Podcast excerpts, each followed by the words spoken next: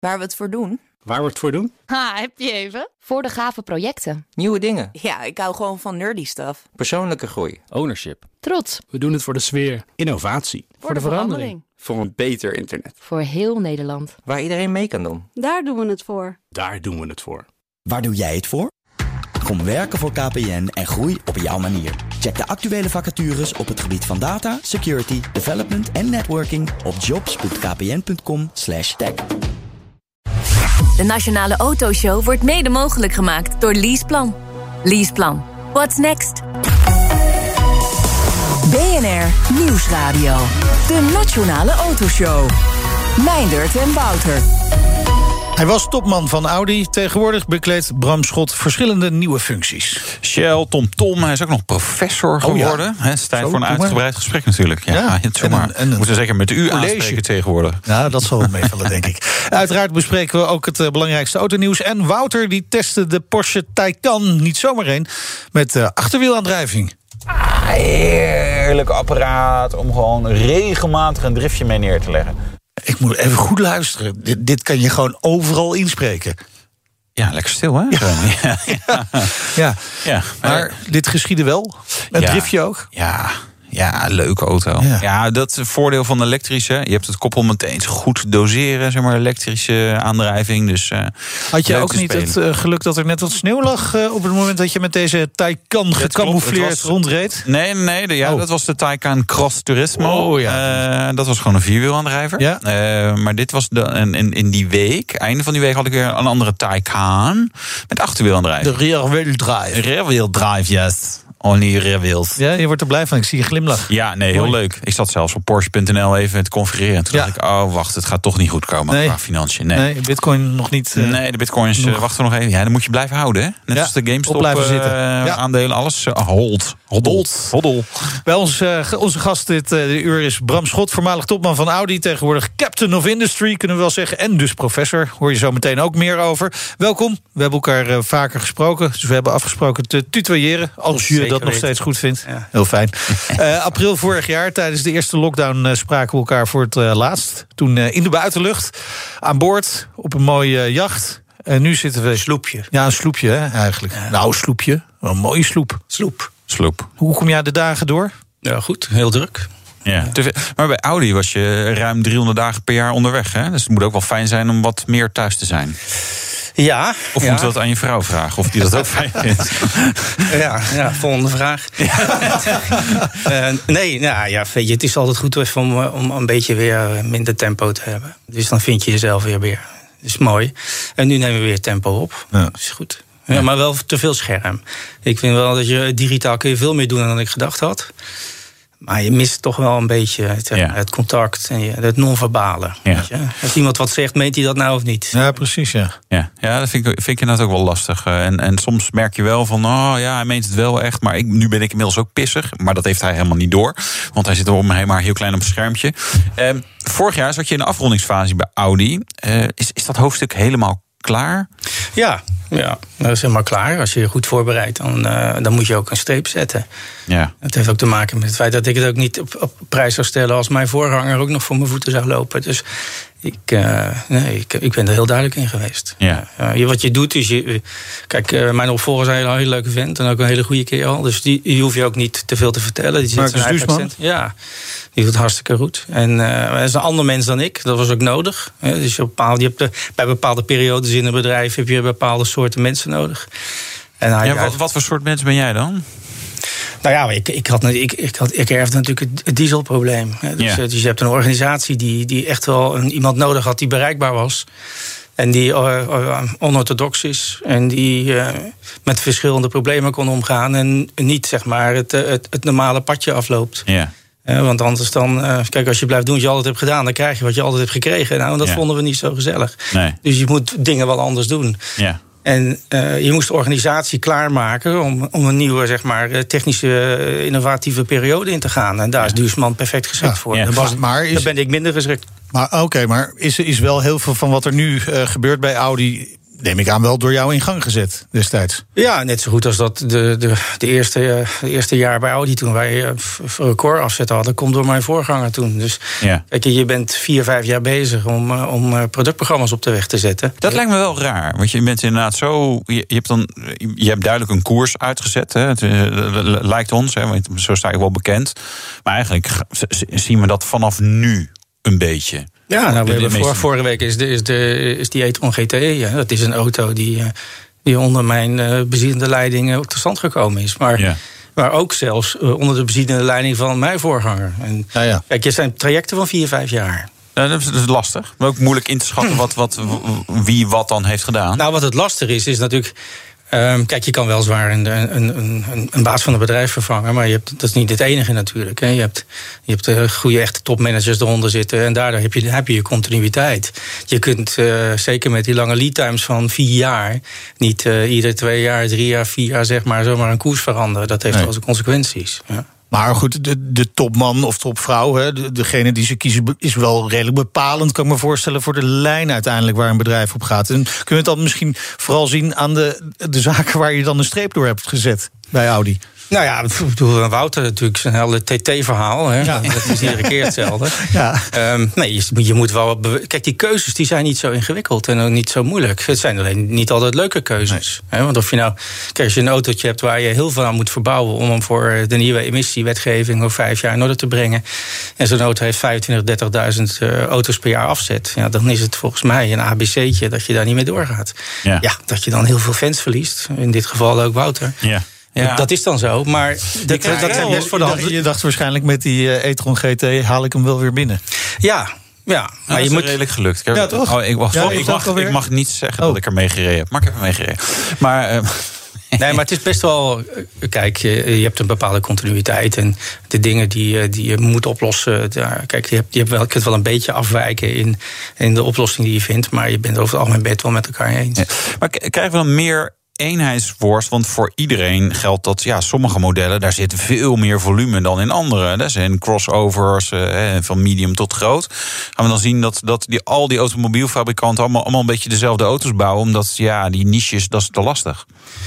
Nou, er is iets anders aan de hand. Hè. Ik denk, uh, als je kijkt naar mobiliteit in het algemeen. Dan, uh, wat, iedereen, wat iedereen denkt, is een beetje een misvatting. Dat als ik nou 25% van de afzet elektrische auto's maak, dan kan ik mijn emissie-eisen halen. Ja. Dat is een misvatting. Hè? Want je oh. hebt nou, omdat als je met, met zeg maar, de huidige technologie, eh, verbrandingsmotoren, diesel en benzine door blijft gaan zoals nu, dan zijn die 25% elektrische auto's niet voldoende om je emissie-eisen te, te, te, bereiken. Dus je moet ook nog vier, vijf jaar doorontwikkelen aan deze diesel- en benzinemotoren, om die ook nog een, een, stapje te laten maken. En dan in combinatie met hybride en met elektrische auto's behaal je grenzen. Nou, dat is een redelijk kostbare aangelegenheid. Uh, als, je, als je kijkt, ik denk, hangt een beetje vanaf per merk. Maar ik denk dat je toch nog wel in benzine- en dieselmotoren... tussen de 2.500 en 3.000 euro moet gaan investeren... Ja. om ze up-to-date te houden. En dat betekent dus, samen met de meerprijs van de elektrische auto... dat mobiliteit over vijf jaar serieus duurder wordt vergeleken met nu. Ja. Dat betekent, ja, ik neem aan dat ook het beschikbare inkomen van de gemiddelde Europeaan niet 4.000, eh, 5.000 euro eh, stijgt. Dat mobiliteit een kostbare aangelegenheid wordt. En dat betekent weer dat uh, fabrikanten erover na moeten denken hoe ze mobiliteit aanbieden tegen lagere prijs. En dat betekent weer dat je heel veel complexiteit uit het productportfolio moet halen. Dus als je zegt eenheidsworst.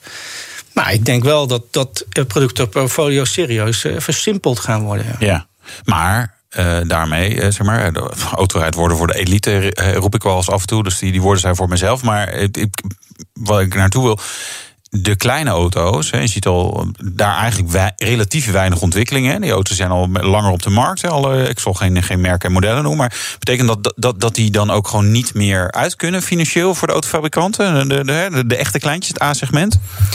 Nou, ik denk dat op termijn dat, dat iedereen zich er wel af moet vragen. Uh, waar, waar zit nou de sweet spot voor, uh, voor, uh, voor mobiliteit? Dus, ja. En daarbij heb je ook nog niet alleen. Een, kijk, heel veel mensen denken: ja, god, ik heb de vrijheid om andere keuzes te maken. Ik denk dat in heel veel gevallen de vrijheid er niet meer is over vijf jaar. Nee. Omdat mensen zich gewoon niet kunnen veroorloven. Nee. dus je, je moet, als je dan naar uh, betaalbare mobiliteit gaat, dan moet je ook wel af van, van de huidige eigenaarschapmodellen. Ja. En dan kan iedereen zeggen, nou, al die sharing-modellen en het, de delen van een auto is niet profitabel. Maar neem er van mij aan dat het er komt. Het moet. Links of rechtsom. Maar mensen, ten eerste, er zijn er heel veel, hè, de jonge generatie wil minder uitgeven aan mobiliteit. En ten tweede... Kan minder uitgeven. Kan minder uitgeven. Dus ja, eh, kijk, eh, als je een elektrische auto op de weg zet met 700 kilometer rijkwijde... en die kost 140.000 euro... Ja. Ja, dat snap ik nog wel. Maar uh, daar wil je natuurlijk niet uh, het, het, uh, het, grote, het grote deel van de bevolking mee. Nee. Je hebt duidelijk nog hele scherpe ideeën hierover. Hè? En, en, en, een visie erop. Je zou volgens mij zo bij een, een OEM aan de slag kunnen gaan. Bij een fabrikant. Mis je het niet een beetje? Nou, wat ik mis is het lekker met de jonge club mensen ergens aan sleutelen en aan het werken. maar ik ben op dit moment zo druk dat ik. Uh, nee, ik mis dat niet. Ik doe, doe, weer andere dingen. En, ja. Maar met een, met een team mensen aan, aan iets werken. Ja. Uh, en samen in de, in de modder staan, ja, dat is heerlijk. Ja. Nou, letterlijk in de modder had bijna gekund. Hè, want je werd even genoemd bij uh, Land Rover, Jaguar Land Rover. En dan Land Rover Defender modder. Ja, hè. Ja. Modder. Was daar iets van waar? Want het is, is door voor jou gelobbyd uh, door, door de, de Nederlandse PR-manager onder andere, Aldo. Je kent hem nog van Mercedes. Moest, moest je de groeten doen. Maar nee, Nee. Nee, nooit. Uh... Nou ja, dat ik op een lijstje zou staan, dat zal wel kloppen. Maar, ja. maar, maar, niemand had aan mij gevraagd of ik dat wel wilde. Ja. Had je het gewild? Nee. Nee? nee. Waarom niet? Nee. nee, ik heb lang bij Mercedes gezeten en lang bij Audi. En ik wilde, ik wilde wat anders gaan doen dan, dan auto's. Ja. Oh. Ja, dus weer brandstof- en navigatiesoftware. Ja. ja, nou, maar ja, ik wist misschien ook wel dat, dat, dat er iemand naartoe zou gaan. Dus ja. dat, dat, was een ja. beetje dat, ja, een kanaar. Oké. Okay.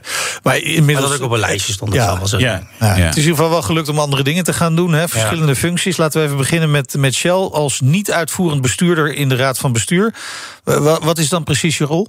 Nou, dan ben je commissaris, zeg maar. Ja, ja. Maar omdat, omdat Shell heeft een one-tier board... en die board die bestaat dan uit bestuursleden... en die hebben dan niet twee lagen... zoals een raad van bestuur en toezichthouders in, uh, in uh, een raad van commissarissen. Maar je zit samen in één bestuur... en één deel is executive en een ander deel is non-executive. Ja. Dus zeg maar commissaris. Ja, een beetje zeggen dat ze het verkeerd doen. Of hoe werkt dat uh, als je, als je zo'n rol hebt? Nou, nee. Of zeggen dat Want je moet vooral de juiste vragen stellen. Ja. ja. ja. Nou ja, je kwam natuurlijk bij Audi eh, om, om het uh, dieselschandaal eigenlijk op te lossen daar. En, en nu mm. heb je weer, uh, nou ja, ik zou niet direct willen zeggen een schandaal, maar wel een flinke uitdaging bij Shell. Nou, geen schandaal. We hebben, nee. we hebben een energietransitie door te ja. maken. En dat, dat gaat is... niet goed met Shell, of wel? Als ik zie, kijk, als ik nou, ik ben nou drie maanden bij Shell. Je ziet een supercompetent bedrijf wat het eigenlijk altijd goed gedaan heeft. En die zitten midden in een, in een transitie van een olie- en gasbedrijf naar een energiebedrijf. Ja, dat, dat verander je natuurlijk niet van de, van de een op de andere dag. Nou, ik vind dat we het uitstekend doen. Echt serieus. Ja, wel, wel fors verlies, hè? maar dat, dat was ook wel een beetje boek. Ja, maar er zijn ook goede redenen voor. Kijk, op het moment dat je verlies gaat maken... en je weet niet waar het vandaan komt... dan zou ik maar eens gaan piekeren. Ja. Ja, maar in dit geval is het duidelijk aantoonbaar. Er wordt niet gevlogen, nou, dan, verkoop je minder kerosine. Ja. En als er minder gereden wordt, dan staan er minder mensen bij een tankstation. Dus dit is redelijk herleidbaar. Ja. Maar ja, je, je, maakt nu een transitie door. Dat zal natuurlijk niet van een op andere dag gaan. Ja. Naar, naar een energiebedrijf. Nou, dat, is, dat, dat valt om de duvel niet mee. Omdat je natuurlijk echt een footprint hebt over de afgelopen jaren opgebouwd. Die je niet zomaar van de een op de andere dag kunt laten verdwijnen. Nee. Maar dat is natuurlijk altijd het probleem. Is de, de legacy en automatisering heb je dat ook. Hè. Je, je hebt ooit iets neergezet en het is moeilijk om dan uh, zeg maar te veranderen. Dat is ook wel de kritiek op Shell. Van dat die verandering eigenlijk niet snel genoeg gaan. Ja, weet ik niet. zijn mensen die daar van buitenaf naar kijken. Uh, Jij zit wel meer binnenin. Ja, ik zit binnenin. Maar ja, drie maanden. Kom op, jongens. Ja. Nou ja, maar je... ik heb natuurlijk wel, ik weet wel wat het betekent om een bedrijf te veranderen. En uh, één ding is duidelijk: de intenties zijn gewoon uh, authentiek en ook heel duidelijk. Men weet heel goed waar men naartoe wil. Ja. Nou ja, dat, je, dat je dan een bepaalde kritische massa en snelheid moet krijgen, dat is duidelijk. Ja. Dat gaat niet van het een op andere maar, moment. Maar is dat dan ook een signaal dat ze jou naar binnen hebben gehaald om die verandering te helpen bewerkstelligen? Nou, er waren twee dingen. Er moest, uh, moest de energie, energietransitie doorgemaakt ja. worden en de, en de organisatie moest uh, opnieuw opgezet worden. Nou, dat zijn dingen waar ik ervaring mee heb. Ja. En ik neem aan dat ze daar ook naar gekeken hebben. Ja. Dat mag je hopen. Toch? nou, ik weet het misschien wel zeker. Ja, precies. ja. Ja, misschien tijdens het sollicitatiegesprek ook wel uh, over, over de tafel gekomen. Maar dan, jongens, kijk, het bedrijf wordt geleid door een bestuur en, en, en uitvoerend bestuur. En daar zitten heel competente mensen. Ja. En wij hebben natuurlijk een rol als non-executive om ze erbij te helpen, te supporten, de juiste vragen te stellen. Maar het bedrijf wordt natuurlijk gewoon gerund ja. door, door de, de executive board. Ja. Waar, waar, waar, waar, liggen die kansen voor Shell? Is dat, is dat waterstof, elektrisch, toch brandstof of hele andere dingen? Nou, ja, zeker. Hè. Ik denk dat we over elektrisch nog heel uh, mooi bomen op, kunnen zetten. Ja. Um, Zeker, ja, die energietransitie. Waar, waar de uitdaging zit met name, is dat je, uh, kijk, als, als, als energieleverancier heb je natuurlijk ook te maken met bepaald gedrag van klanten. Ja, dus, dus als je kijkt, als je je CO2 voet... rukkers inderdaad, die gewoon je product, verkeerde product kopen. Nou, nee. Nee, luister, kijk, mensen willen, kunnen heel, heel veel leren... maar het is dan niet altijd even makkelijk om af te leren. Nee. En te denken dat je uh, dingen die je 20, 30 jaar gewend bent te doen... zomaar van een of andere moment zeg maar, gedag kunt zeggen... dat, dat valt niet mee. Nee. Uh, je ziet nu ook, hè, we hebben net even bij het uh, voorpraatje over elektrische auto's zitten praten. Ja. Uh, kijk, ik denk dat als de, als de wetgeving niet een, een stok achter de deur zou zijn geweest, dan zou je waarschijnlijk een mindere, snellere zeggen, transitie gehad hebben van verbrandingsmotoren naar elektromotoren. Ja, daar zit natuurlijk de kans. De kans zit, maar niet alleen een kans, hè, er is ook een verantwoordelijkheid. Als je kijkt naar de doelstellingen die Shell heeft neergelegd, dan willen ze de CO2-footprint serieus verlagen. En dan kun je een deeltje kun je dat direct beïnvloeden door, door je logistiek, je productie en, en je raffinaderijen. dat heb je dan direct onder controle. En het andere deel, het groot, overgrote deel, komt uit veranderd gedrag van klanten. En daar heb je natuurlijk ook een educatieve rol. Ja, maar, maar goed, het lijkt er toch wel op, eh, als we de berichtgeving uh, lezen en horen, dat uh, Shell wel heel veel mooi je dingen zegt over transitie, maar geen een van de doelen is gehaald tot nu toe. Nou ja, ze staan aan het begin, hè. Dus uh, kijk... Uh, ja, als je zelfs dan al de doelen niet haalt... Nou, als ik zei, kijk, je, je refereert waarschijnlijk aan de, aan de 3,2 miljard en de 3,4 miljard. Ja. Dat was de onderkant van de bandbreedte. Ja. We hebben net een strategieweek achter de rug met Shell. Uitstekend ontvangen. Okay. Uh, heel solide. Kijk, wat wij niet doen vergeleken misschien met een paar anderen... is dat we uh, beloven dat alles in orde komt in, in twee, drie dagen. En uiteindelijk moet je terugkomen op je doelstellingen. Hm. We leren iedere dag. En neem van mij aan, ik zou niet in dit bestuur zitten als ik niet zeker wist dat ze serieus wilden veranderen. Nee. Was het voor Shell heel belangrijk ook om jou aan boord te houden? Want ja, bij Audi, hè, zeg maar ook de transitie van benzine, diesel naar elektrisch, hè, daar, daar zag je middenin. Dus juist vanuit die expertise dat je gewoon wat meer kan, dat kijk je in, in, in de keuken. Nou, het helpt wel natuurlijk. Ja. Want ik, ik zit natuurlijk aan, aan de kant uh, waar, waar, de klanten zaten en waar, de, waar, de, waar, de, waar de, de, mensen zitten die de producten moeten afnemen. Ja. En ik heb denk ik wel een goed beeld over wat er de komende tien jaar zou moeten gebeuren of gaat gebeuren. Uh, en, en, en, hoe snel veranderingen kunnen worden doorgevoerd. Hè. Dus iedere keer die, die discussie over fuelcel en over brandstofcel. En iedereen denkt, nou, dat komt al wel snel in auto's. Nou, dat zie ik helemaal niet zo. En nee, ik weet ook zo. Ik, ja, waterstof. Ik weet ook dat dat niet zo gaat gebeuren. He, om de eenvoudige reden dat de, het gros van de, van, de, van de fabrikanten prioriteiten moeten zetten. En die zetten de prioriteit op dit moment niet bij autonoom rijden. Nee. Het is redelijk kostbaar. Je gaat naar een standaardiseerde technologie. Betekent op termijn dat je je merk er niet over kan differentiëren. En als je dan over bedragen bedraagt van 5 tot 7 miljard investeren, dan investeren we dat liever in, in digitalisering en in, in elektrische auto's en, en, en, en dat soort dingen. Dus ja, dat komt voorlopig nog niet. En ik, ik zie ook niet technisch gezien uh, dat, dat het echt een oplossing is. Ja, als je ziet dat je van elektriciteit naar, naar, waterstof en dan weer naar elektriciteit, dan heb je een, een efficiëntie van 36, 37 procent. Ja. Is niet de handigste oplossing. Je zit ook nog bij een grote tank. Nee, lijkt me niet. En tegelijkertijd, de hele auto-industrie heeft net geïnvesteerd in elektrische auto's. Nee. Ja, ik weet wat het kost. En er staan fabrieken die die auto's gaan, uh, gaan produceren. Niet zo handig om dan te vertellen dat je misschien nog eens iets anders hebt bedacht. Dus dat, dat, dat kun je de komende tien jaar vergeten. Ja. Terwijl het wel logisch klinkt, hè? waterstof voor een bedrijf als Shell. Mm, ja, voor Shell wel. Maar die hebben natuurlijk niet alleen met auto's te doen. Hè. Kijk, nee. ik denk dat je. Uh, ik denk dat zeker dat je naar, uh, naar groenere kerosine gaat. Ik denk dat uh, zeker schepen. Uh, dat, uh, dat je daar wel een heel eind mee zou kunnen komen als je kijkt naar, uh, naar hydrogen. En misschien zware bedrijfswagens, maar voor personenwagens zie ik het, zie ik het voorlopig niet gebeuren. Je had het over de zelfrijdende auto. Uh, ander bedrijf waar je voor werkt is TomTom Tom, als speciaal adviseur. Hè. Waarover adviseer je het bedrijf? Nou, wat, wat handig zou zijn wat om succesvol te zijn. Ja. Ja. Ja. dat is logisch. Wij waren natuurlijk. Kijk, je maakt maps, je maakt lo locatieplatform. Ja. Dan, is het, nou, dan ben je heel dicht bij de auto. Dus het is wel logisch dat ze bij mij kwamen. Ja, ook, ook TomTom moest een transitie doormaken natuurlijk. Ze zijn groot geworden met verkoop van de kastjes in de auto's. De navigatiesoftware, dat loopt terug. Veel auto's hebben dat zelf. Of, of gewoon mensen hebben het op hun telefoon. TomTom is echt helemaal om naar de kaarten of zoveel mogelijk? Nou ja, ja uh, zeker. En uh, om ze niet alleen uh, beter te maken, maar ook efficiënter te maken. Een heel goed bedrijf. Heel goed, ik ben heel goed in het snotje wat, wat de klant wil en waar we naartoe moeten. Nou, dat verander je ook niet van de een op de andere dag. Je ziet natuurlijk een hele grote concurrent in de Verenigde Staten met Google, die aan de, aan de searchkant en uh, denk ik ook aan de, aan de, aan de serviceskant toch echt goede zaken gedaan hebben.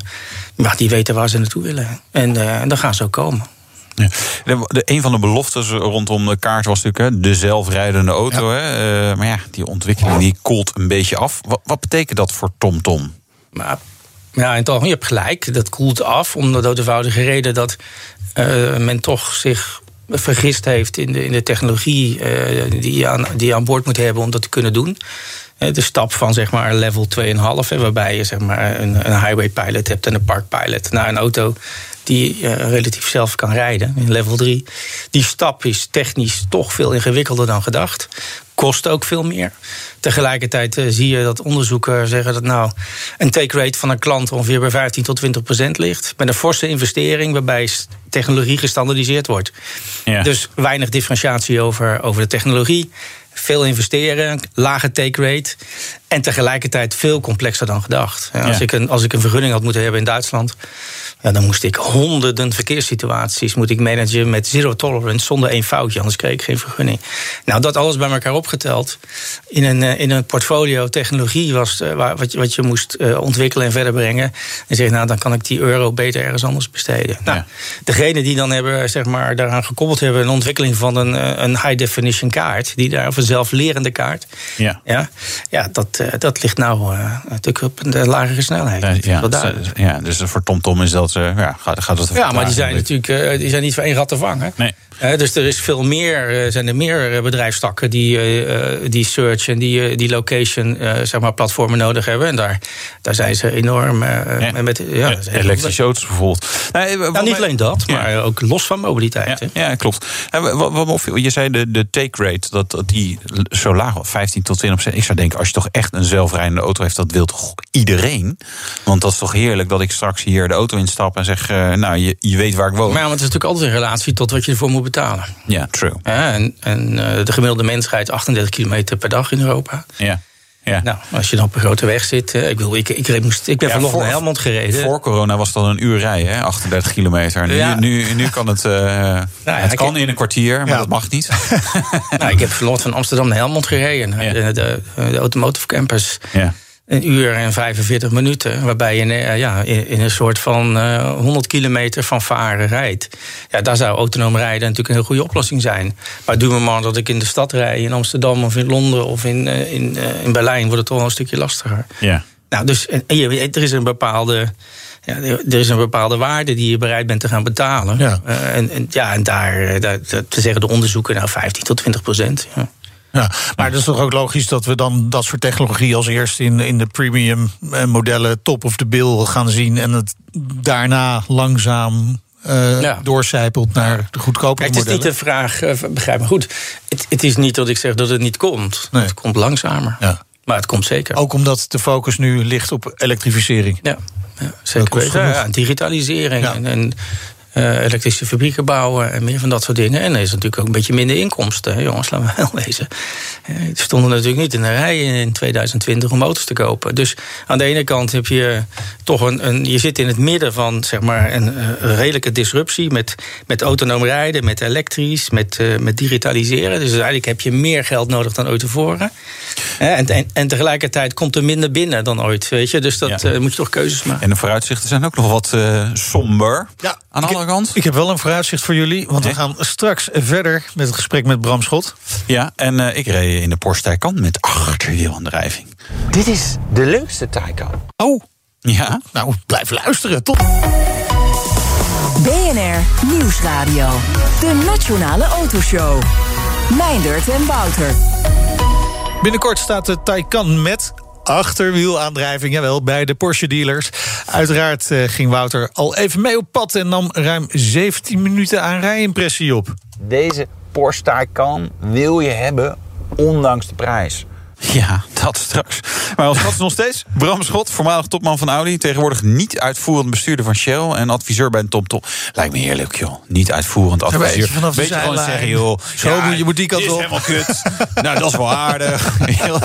Dat is een heerlijke baan. Ja, ik denk dat er iets meer verantwoordelijk- Nee, nee, nee, ik ben niet uitvoerend. Niet verantwoordelijk. Ik denk dat er toch iets meer bij komt kijken. Maar daar blijft het ook niet bij, want hij is ook actief bij de Carlyle Group. Dat is een Amerikaanse private equity investeringsmaatschappij. En hij is Ja. dus professor aan de Bocconi University in Milano. Hoe is je Italiaans? Ja, we spreken Engels, hè? Oh ja? dus dat scheelt. Maar met koffie bestellen en eten Nou ja. kom ik een heel eind. Ja. Hartstikke leuk. Ja, nee, hartstikke leuk. Ja, gefeliciteerd, maar wat voor leerstoel heb je? Eh, Leiderschap en transformatie. Oh ja. Dus dat past wel bij mij. Ja. Nee, leuk. MBA's. Dus eh, echt eh, slimme mensen. Dus het is hartstikke leuk. Ik, doe dat al jaren, lesgeven. Heerlijk om je zo eens anderhalf, twee uur te laten beledigen... door eh, studenten die eh, honderdduizend dingen vragen... en niet alle antwoorden accepteren. En eh, dat is blijkbaar op de universiteit goed bevallen. En ze hebben gevraagd of ik daar wat meer tijd aan wil besteden. Ja. Leer je daar ook dingen van? Zo'n vraag waar je denkt, ja, zo heb ik er eigenlijk nog Ja, nee, wel, zeker Ja? weten. Ja. Ja. dat je heel goed moet luisteren naar de nieuwe generatie, die jonge generatie. Ja. Die, die zijn ook wat onorthodoxer, hebben, eh, kijken toch anders tegen de wereld aan. En ik denk dat, eh, ja, Ja. vind ik echt een genot. Ik vind het ook, ik vind het ook echt een, een voorrecht, moet ik zeggen. Ja. Ja, dat kan ik me voorstellen. Maar wel leuk om te Het houdt je jong, zeggen ze dan. Klopt dat? Het houdt je ja, zeker jong. Ja, ja, omdat eh, geen, geen minuut is hetzelfde. En ja, en zoals gezegd, hè, ze, ze, hebben, ze hebben wel respect, maar eh, aan de andere kant, eh, ze hebben, ze zijn niet bereid om zomaar ieder antwoord te accepteren. Dus ja, je leert daar enorm veel van. Het is heerlijk om met die jeugd om te gaan. Ja. Ja, en wat zijn de belangrijkste eh, lessen op het vlak van leadership en transformation? Ja, nu even een MBA in 10 seconden. Door eh, professor Bram Schot. Nou, we zitten er allemaal klaar. Nou, wat- wat- een van de belangrijkste dingen, die gelden toch ook wel, is, is toch wel dat je eh, ervoor moet blijven zorgen dat je een bedrijf van, van buiten naar binnen laat denken. Ja. En dan eh, er zijn natuurlijk heel veel bedrijven die denken dat, eh, dat, eh, dat ze het allemaal hebben uitgevonden. En die denken van, van binnen naar buiten. hè. En er zijn dingen aan het produceren. Eh, waar, waar klanten misschien toch niet helemaal op zitten te wachten. Hetzelfde, hetzelfde gebeurt met eh, hoe we auto's ontwikkelen uiteindelijk. Hè. Dus eh, als je kijkt, we hadden vanochtend een hele discussie over in, in Helmond met, met die jongens van Lightyear. Ja, er zijn natuurlijk heel veel verschillende use cases voor een auto. Niet iedere, iedere klant is hetzelfde. Maar we zijn natuurlijk bijna een auto aan het ontwikkelen die eigenlijk aan alle eisen kan voldoen. Terwijl een klant misschien maar 20% van die eisen ingevuld wil hebben. En daardoor krijg je auto's die erg complex zijn, daardoor Ja. erg duur. Ehm, en misschien wordt het wel in de toekomst, daar wijzen ze hem ook wel op. Om meer van, eh, van buiten naar binnen te denken. Wat wil die klant nou echt? En misschien moet ik gewoon dat gaan produceren waar ze op zitten te wachten. Ja. We hebben het natuurlijk in het verleden wel vo- voorbeelden gezien van bedrijven die dat verkeerd hebben gedaan. Ik denk maar even aan Kodak met de digitalisering van de fotografie. Maar zo zijn er nog wel meer voorbeelden. Eh, telefoonfabrikanten die dachten dat we geen eh, touchscreen wilden. Er is wel een shakedown geweest hè, van, van bedrijven die, nou ja, in ieder geval een hele hoop markt hebben verloren. Gaan we dat in de toekomst weer? Nee, ik denk dat je. Kijk, maar het is ook een noodzaak. Hè? En kijk, eh, noodzakelijkheid is de moeder van alle verandering. Ehm, en er is een noodzaak. Als je kijkt naar een gemiddelde, ook zelfs premier merk. Die kunnen nu, eh, kijk, door de elektrificering hebben ze een ander soort fabrieken moeten bouwen. Ja. Je hebt een ander soort platform. Dus je verdubbelt zeg maar in de fabriek je complexiteit. Doordat je elektrische auto's hebt. Maar je afzet wordt niet verdubbeld. Ehm, en en dat, kun je, dat kun je niet veroorloven. Je gaat. Je gaat eh, naar misschien 25, 30 platformen en hoedjes, zoals we dat dan noemden. Ga je ineens naar 50, 55 als je op dezelfde manier blijft segmenteren. Nou, dat kun je niet voorloven. Nou, mobiliteit wordt duurder. De klant is bereid om minder voor die mobiliteit te betalen. Dat betekent dus dat je enorm moet versimpelen. Ja. Ja. Dus ik wil niet zeggen eh, een shakedown. Nee, wat je Nou wel ja. krijgt is dat je je productenportfolio uitermate ge- eh, gesimplificeerd gaat worden. En nou, dat zie je nu ook met de elektrificering, wat heel veel mensen niet helemaal eh, in de gaten hebben, is dat ja, je hebt een lead time van 48 maanden voordat je een auto op de weg zet. We weten dat in 2025, 2026 een nieuwe eh, emissiewetgeving komt. Dus je moet nu in 21 besluiten Ja. Ja. wat ik in 25 op de weg heb, wat in 35 nog loopt. Ja. Dus, dus dit jaar 21 is, is enorm eh, cruciaal voor wat er in de toekomst gebeurt. En, en midden in een coronapandemie. Dus, dus dat geeft er nog een extra schwung aan, aan ex- extreme keuzes maken, lijkt mij. Of een, eh, Nou, nou, weet je, wat je, nou ik, ik denk dat als, je, als kijk, als die wetgeving er in 25, 26 niet geweest zou zijn, zou je een veel geleidelijkere eh, zeg maar, eh, transformatie hebben gehad, een transitie hebben gehad van, van verbrandingsmotoren naar elektromotoren. Ja. Nu heb je een relatief korte ervaringsperiode met elektrische auto's. En toch moeten uh, al, die, al die CEO's van die bedrijven nu beslissen. wat in 25, 26 aan de nieuwe emissiewetgeving gaat voldoen. Ja. En wat dan nog tien jaar loopt. Dus je beslist in 21 wat er in 35 in principe nog op de weg staat. Ja? Ja. Nou, dat, dat maakt dat, dat, uh, dat men uh, enorm elektrificatie aan het versnellen is. Hè? Waar ze vroeger dachten in 25% in 2030, zie je nu dat zeg maar, leveranciergedreven, dus zeg maar aanbiedergedreven, men zegt nee, ik, ik schrap die benzinemotor, dat merk je. Je ziet iedere, iedere maand wel weer iemand die wat verzonnen heeft. Ja. Uh, mijn verbrandingsmotoren stop ik mee, ik ga versneld elektrificeren. En dat komt omdat nu de beslissingen worden genomen in de directiekamer. Nu, voor eigenlijk de periode ook 30, 35. Maar, maar wat is daar dan veranderd in, in, de afgelopen, in het afgelopen jaar misschien wel? Um, ja, nou ja, het, het is versneld. Nou, ze merken gewoon dat ze niet uh, twee portfolio's uh, kunnen onderhouden. Nee. Met, uh, dat kost dus een geldkwestie. Ja, dat, dat gaat gewoon niet lukken. Ik zeg al zeer, je verdubbelt de complexiteit in de fabrieken. Um, je moet elektrificeren. En je kunt niet op, op, op twee benen staan in dit geval. Je moet echt een keusje, keusje maken. Je kunt niet op twee gedachten blijven ja. hinken. Uh, aan de andere kant, we hadden het net over. Uh, bedrijven moeten meer van buiten naar binnen denken. Dus uh, dit, dit, is, dit is gedreven wel door de buitenkant, maar is maar één deel, hè, door de regelgeving. klanten weten we natuurlijk nog steeds niets van of die allemaal in 2030 elektrisch willen rijden. Dus komt daar ergens een aanvaring, potentieel? Nou, wat je ziet is, je hebt eigenlijk drie, drie drijvers. Hè. Je hebt dus je hebt de wetgeving, is echt doorslaggevend. Ja. Ten tweede heb je natuurlijk andere technische mogelijkheden. Ja. Dat is ook een drijver. En tegelijkertijd zie je dat preferenties van klanten veranderen. Nou, wat, wat zie je dan gebeuren? Is dat de aandrijflijn verandert. Je ziet autonoom rijden komen. Je ziet digitalisering komen. Nou, en dat op zich heeft weer eens een effect voor de retailbusiness, de dealers. Je ziet dat er een ander, ander gedrag bestaat ja. met betrekking tot... Uh, moet ik een auto uh, hebben uh, als eigenaar of moet ik hem gebruiken? Ja. Abonnementsvormen bijvoorbeeld. Ja, whatever. Ja. En, je, en je ziet natuurlijk ook nieuwe businessmodellen... als gevolg van die nieuwe aandrijflijnen, zoals Charge. nou, je ziet sharingsmodellen, ride-hailing. Dus ja, die, die, die drie drijvers daarboven, daarboven die, die maken dat, andere, dat die autonoom rijden krijgt andere aandrijflijnen. En dat heeft weer effect. En dat is natuurlijk met, is turbulentie, zoals je hem eigenlijk nog nooit gezien hebt. Nee. Ja, aan de andere kant, als je nu even te denken over autoverkopen in deze coronajaren weliswaar. Maar dan zie je dat, dat tweedehands auto's echt de vliegen de winkel uit overal. Ja, logisch. Ja. Uh, uh, nieuw niet. Ja, maar is ook logisch. Dus, zoals ik al zeg. Kijk, er is een, er is een, is een bereidheid die. Nou, er, is, er, is, er ligt onderliggend nog iets heel anders. Yeah. En dat is, ik weet je, toen ik nog een stukje jonger was, een kilo of tien geleden. toen. Uh, ja, je, je bent kijkt, weer naar op weg, toch? Ja, nee, ja, ja we zijn daarna op weg. Ja. Daarom eten we ook geen kroketje vandaag. Nee, vandaag nee. geen kroketten, nee. Nou, maar wat je ziet is natuurlijk, als je, als je een aantal jaren teruggaat... en dat is ook iets wat natuurlijk in, dagelijks in de politiek wordt besproken... is dus als je kijkt naar mobiliteit en de financiering van je huis... en naar energie en naar food en naar ziektekosten. Kijk, dat maakt uh, niet lang geleden misschien 50 of 55 procent... van je beschikbare inkomen uit. En als je nu kijkt naar waar de jeugd nu mee te, te worstelen heeft... of jonge gezinnen met twee kinderen... Uh, begin dertigers, nou, daar is het inmiddels 80, 85 procent van het beschikbare inkomen. Dus dat, dat, dat, kan je niet meer, uh, dat kun je niet meer ophoesten. En als je dan kijkt wat mobiliteit daarin uitmaakt, is 16 procent. En dat is enorm. Dus uh, dat is wel heel logisch ook dat je, dat je naar andere, zeg maar, kostengunstige zeg maar, mobiliteitsoplossingen gaat zoeken. dat, is, dat is evident. Ja, ja. Maar de elektrische auto, voorlopig worden ze nog duurder. Dus ja, dan, als je hem zelf wil hebben, wel. Ja. dus wat je ook ziet, ook een van die effecten, is dat je, dat je andere financieringsvormen gaat krijgen en andere, en andere vormen van het Ja. hebben van een auto. Dus, Ja. dus als je zegt, nou luister, ik wil hem wel hebben. eh, maar ik, eh, ik kan hem niet betalen. Nou, dan ga je, je ziet de private lease eh, neemt een enorme, Ja. stijgt enorm. Maar waarom zou je überhaupt een auto moeten willen hebben als, als, als eigendom? Ja, dan gaan we lekker sharen. Ja. Ja, vrijheid. Eh, Ja. Op vakantie kunnen. Ja, maar dat, dat, dat, dat ziet toch denk ik ook de nieuwe generatie ook anders. En tegelijkertijd die heel vaak vroeger journalisten altijd mij... Bram, wat is nou de meest economische manier eh, van, van rijden? Wat is het beste voor de planeet? Nou, niet rijden.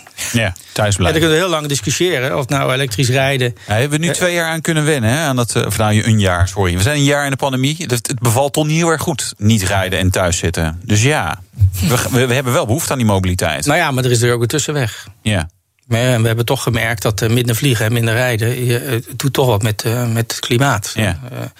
Alleen je ziet ook dat, we onze, dat onze weerbaarheid heeft ook een grens, blijkbaar. Ja. Ja. Ja. Zeker de mentale weerbaarheid. Eh, En, en nou, deze planeet heeft geen. Er is geen, geen planet B, hè, zoals het maar zo te zeggen. Dus we moeten er toch serieus. Is dat dan mi- misschien in een crisis dat je weer naar een nieuwe balans komt? Ja. Waarbij het niet zo extreem die kant op gaat, maar. Ja, niet omdat we het willen, maar ik denk omdat we het moeten. Ja. En, en, en dan ben ik ook weer terug bij Wouter. Ja, eh, eh, je moet naar enorme vereenvoudiging van productportfolio's bij de fabrikanten. Omdat je moet ophouden die, die, die klantkant, zeg maar, die vraagkant, enorm te overfragmenteren. En te denken dat je voor ieder, eh, voor ieder dingetje een oplossing moet vinden. En, en, en dat, dat kan je niet meer volhouden. Dus je moet naar minder complexe productenprogramma's. En met veel minder extra's. Die technische levensduur van de auto, die overstijgt de economische levensduur enorm.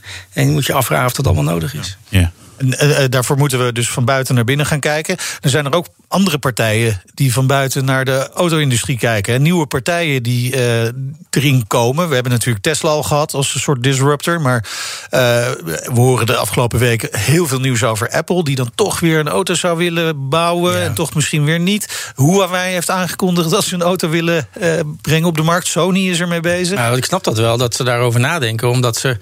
Kijk, eh, auto's worden een van de grootste dataverzamelaars eh, in, de, in de komende jaren. Dat, is- dat is de interesse die zij hebben. Maar een auto op de weg te zetten, dat valt dan niet echt mee. Nee. Ja, jij denkt dat ze dat niet kunnen? Ja. Een gevaarlijke uitspraak om te doen. Nou ja, ik, bedoel, ik denk dat heel veel mensen, als ze eerlijk zijn, nooit gedacht hebben dat, eh, dat Tesla zo succesvol zou worden. En dan heb ik het niet over een koers. Hè. Dus Tes- Tesla wordt eigenlijk een beetje gewaardeerd als techbedrijf en minder als autobedrijf. Ehm, maar die hebben, het, die hebben het toch goed gedaan. Dus eh, Ja. het is maar net welke combinatie je Ja, zoekt. maar dat Apple, Apple, Apple was natuurlijk ook nooit een telefoonbedrijf.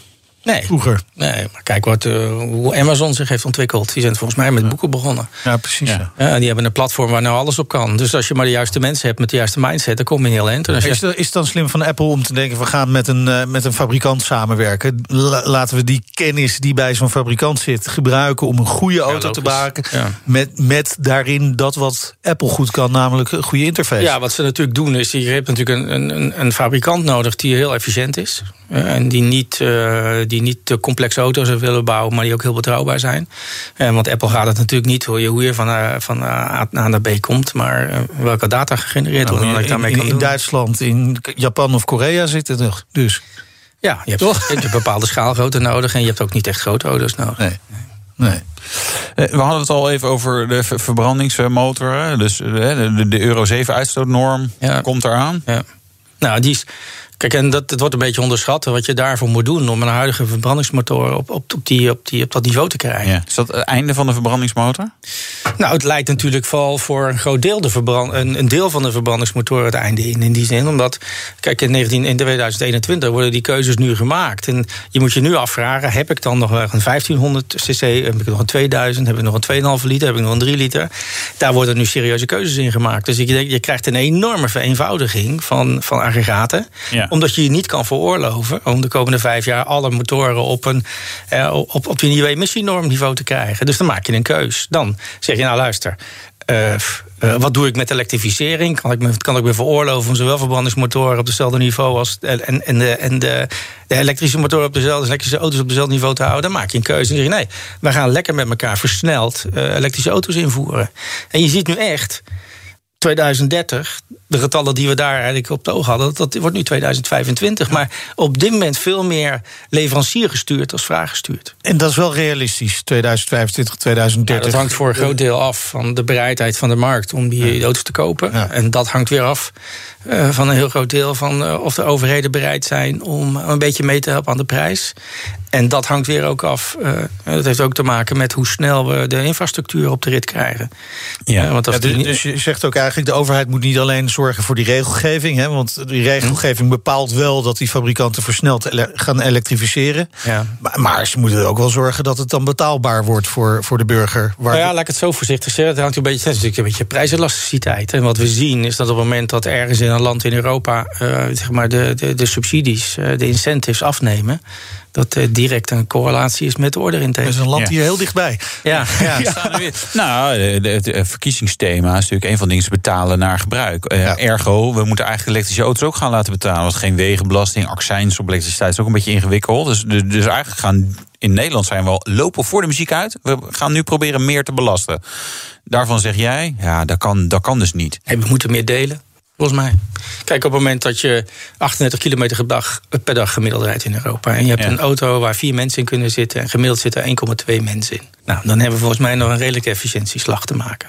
Ja, aan de andere kant, hè, vroeger hadden we badhuizen hier uh, in, in de stad. Hè, een deel, want ja, een badkamer, gemiddeld is daar uh, één persoon. Uh, en nou, hoeveel tijd in de dag. Dus ja, het, is ook een soort luxe waar we aan Ja, maar of je, nou, of je nou, weet je, op een middag 3,5 euro uitgeeft aan, aan, aan een zwembad en een zakje chips. Dat is natuurlijk een beetje anders. Dus dat 18% van je beschikbare inkomen opgaat aan mobiliteit. Ja. En dat is echt een groot verschil. En, en als dat uitmaakt, dat als ik een betere oplossing vind voor mobiliteit en ik heb daarvoor meer te besteden aan, uh, aan, aan, kleding of aan eten of aan Nog op, meer. Op, ja, de op, opleiding van mijn kinderen. Dan is die keuze volgens mij snel gemaakt. En tegelijkertijd, uh, de oudere generatie vindt dat een trade-off.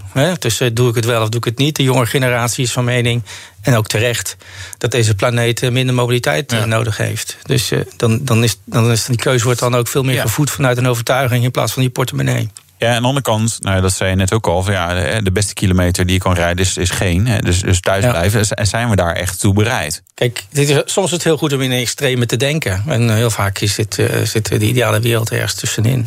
ja, ja dus, dus, ik denk dat we toch wel tot ontdekking zijn gekomen. Ik weet niet, ja, ik was in ieder geval wel verrast hoe effectief je kunt uh, zoomen en, ja. en van alles en nog wat. Dus, en is dat ideaal? Nee, maar het is veel idealer dan het helemaal niet te doen. En we vinden wel weer een nieuwe balans daarin waarschijnlijk dan. Ja, denk ik wel. Ja. En ik denk dat deze wereld ook wel een beetje toe was aan uh, even op de rem staan. Ja, uh, op de rem staan, uh, die, die Euro 7 uitstootnormen wordt lastig dus hè, om daar goede motoren nou, het is een. Nee, het is, een, het, is een, het is een forse investering. Het is niet Ja, lastig. Het is een forse investering. En wat je dan besluit is dat je, nou luister, ik heb mijn aggregatenprogramma. Ja. Tegelijkertijd komt er een nieuwe aandrijflijn aan.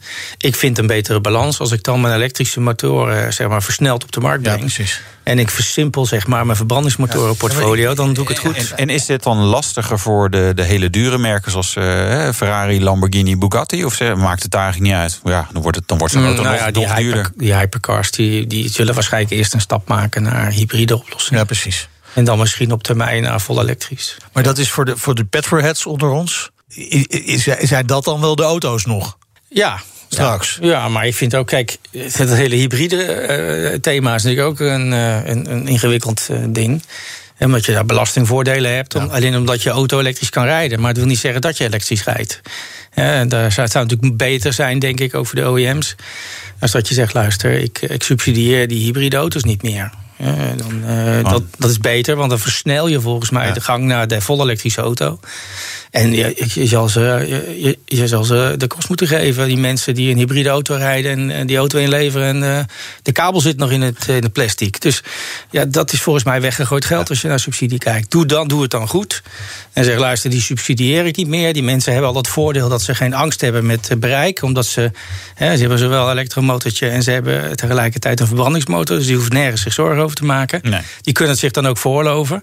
Maar als je een versnelling wil naar elektrisch rijden, moet je de subsidies op hybride auto's afschaffen. Ja, maar ja, dan zegt niemand meer, oh, doe mij maar een hybride dan. Want dan, nou, eh, dan, maken ze bewust, dan moeten ze een bewuste keus maken. Er komt een termijn natuurlijk dat je in de stad niet meer met een verbrandingsmotor kan rijden. Maar Ja. dit, dit, dit, dit, dit zo half zwanger, dat, eh, dat zit niet. Het is fantastische technologie. En het is natuurlijk ook een beetje een gevaar. Hè? Want kijk, als je, als je ziet, er zal waarschijnlijk de komende jaren in, in Europa zien dat eh, zeg maar, die, die belastingvrijstelling eh, te maken heeft met misschien 60, 70, 80 kilometer elektrisch rijden met een hybride auto. Nou, dan ken ik die ingenieurs heel goed. Hè. Ik had er 10.000 bij Audi. nou, die zeggen, nou, dan doen we in plaats van 60, doen we 120 kilometer elektrisch. En dan zit je daar met een auto, met een verbrandingsmotor... en die kan 120 kilometer elektrisch rijden. Nou, dan wordt de propositie ten opzichte van een vol elektrische auto nou, niet zo heel erg makkelijk. Dan moet je mij nog uitleggen waarom ik dan vol elektrisch zou rijden. Want ik kan overal voldoen aan mijn, aan, aan mijn elektrische behoeften. En ik heb tegelijkertijd nog een verbrandingsmotor. Dan moet je gewoon eh, echt serieuzere keuzes maken. Dit is, dit is half zwanger. Het is, het is een oplossing tussen de ene wereld en de andere wereld. Maar je zou denk ik eh, zowel de klant als ook denk ik eh, de- leveranciers, of zeg maar de, de fabrikanten enorm helpen door echt een serieuze keuze te maken. We bepalen dit soort keuzes ook, ook eh, de dingen die jullie doen bij de Carli- Carlyle Group? Ja, nou, ik, ben, uh, ik ben senior advisor voor industrie uh, wereldwijd en in Washington. Ik, heb mij, ik, ik zit in Milaan en in Londen. Daar praten we over nog wat. Daar praten we over fietsen. We praten over, uh, over toeleveranciers. Dus dat uh, praten we vooral niet over auto's op dit moment. Ja, en op een fiets kan je ook range anxiety uh, hebben, schijnt. Ja, klopt. Want ik ben hier naartoe gefietst met de fiets van mijn vrouw. En dat ja. weet ze nog niet. Of misschien juist nu wel. Want ik had nog 13 procent. Ik dacht, dat ga ik niet redden. Nee, Bram, amateur. je moet wel van tevoren laden. Kom ja, op, ik, moet, ik moet afvallen. Dus ik denk, weet je wat, dan doe ik gewoon het motortje uit. Ja. De rijimpressie. Nou, wij gaan even het motortje aanzetten. Wel een elektrische motor. Wouter die testte de Porsche Taycan. Deze Taycan heeft alleen achterwielaandrijving. En dat betekent dat je erin had echt heel leuk mee kan driften. Dat heeft Porsche zelf ook gedemonstreerd. Uh, die hebben namelijk iemand op een gladde cirkel in een Taycan gezet en gezegd... Succes ermee. Ga maar zo lang mogelijk driften. Nou, een lang mogelijk driften werd in 42 kilometer. 42 kilometer lang rondjes uh, driften. Ja, het is echt bizar. Ik zou er wel een beetje misselijk van worden, denk ik. Maar het is ook echt gewoon een oprecht leuke auto om mee te spelen. Um, we hadden sneeuw en ijs en andere uh, winterse neerslag. De dagen dat ik de Taycan had. Dus dat was sowieso grappig.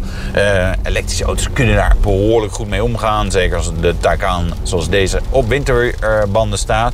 Maar ook gewoon op asfalt met redelijk vergevingsgezinde winterbanden.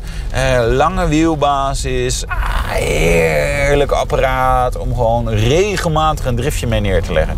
Want wat is het voordeel van een elektrische auto? Warm rijden? Ja, dat hoeft dus niet. Dus je kunt meteen vanaf je oprit denken... nou, ik knal hem meteen even een drift in. Misschien dat je buren dat wat minder grappig vinden... Mijn buren, sommigen vinden het nog wel grappig, anderen waarschijnlijk niet meer. Maar goed, hey, weet je, voor de wetenschap moest ik het allemaal onderzoeken natuurlijk. Maar het is echt erg grappig en een, een lekker vergevingsgezinde, goed voorspelbare uh, auto om, om, om mee te spelen. En dat, dat is toch wel gewoon leuk. Ja, de Porsche Taycan uh, Real Wheel Drive. Ja, 17 minuten. zouden zetten. Ja.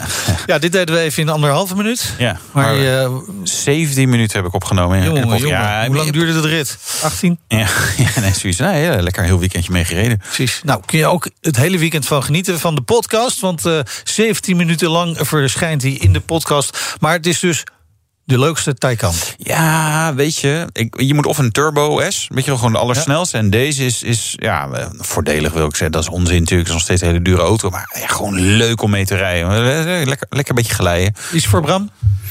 Ja, nee, ik, ja. Heb, uh, ik heb natuurlijk uh, die Audi e-tron gereden. Ja. En uh, ik was natuurlijk, ik had natuurlijk een beetje geluksvogel. Omdat ik natuurlijk de, de Audi RS GT natuurlijk had. Ja. Die op hetzelfde platform zit als een Taycan. Ja, mijn hart gaat toch wel open. Ja? Ja. Maar dan zou je liever de Taycan of uh, je, je eigen RS e-tron GT? Ja, de RS. Ja? ja. Dat is beter. Ja. Maar kijk, het is, het is natuurlijk geen keuze. Ik bedoel, die, die auto's zijn allebei super. en hebben ook, de Porsche heeft wat meer performance. Je moet ook naar positionering denken. Dus ja, het is, het is twee dezelfde auto's met een andere designlijn. maar Porsche is een supermerk. Ja, en dan komt ook nog de Cross Turismo eraan. Die heb je inmiddels ook al gereden. Daar gaan we Ja, het later een keer over hebben. We hebben geen tijd meer, uh, Nee. Wouter. We zijn uit de tijd al. Dank Bram Schot. Ja, we hebben een klein minuutje gestolen. Uh, veel succes de komende tijd met alle nieuwe avonturen. We hopen je natuurlijk in de toekomst weer eens te spreken daarover. Dit was de Nationale Autoshow. Terugluisteren kan via de site, de app, Apple Podcast of Spotify. Ja, abonneren maar. Volg ons ook Twitter, Facebook, Instagram. Ja, en mijn naam is Meijnerd Schut. En ik ben Wouter Karsen. Tot volgende week. De Nationale Autoshow wordt mede mogelijk gemaakt door Leaseplan. Leaseplan. What's next? Ook Liesbeth Staats vind je in de BNR-app. Ja, heel handig. Luister live naar Kees en mij tijdens de Daily Move. Dan blijf je ook gelijk op de hoogte van breaking news en het laatste zakelijke nieuws. En daar vind je ook alle BNR-podcasts, waaronder de Perestrooikast. Download nu de gratis BNR-app en blijf scherp.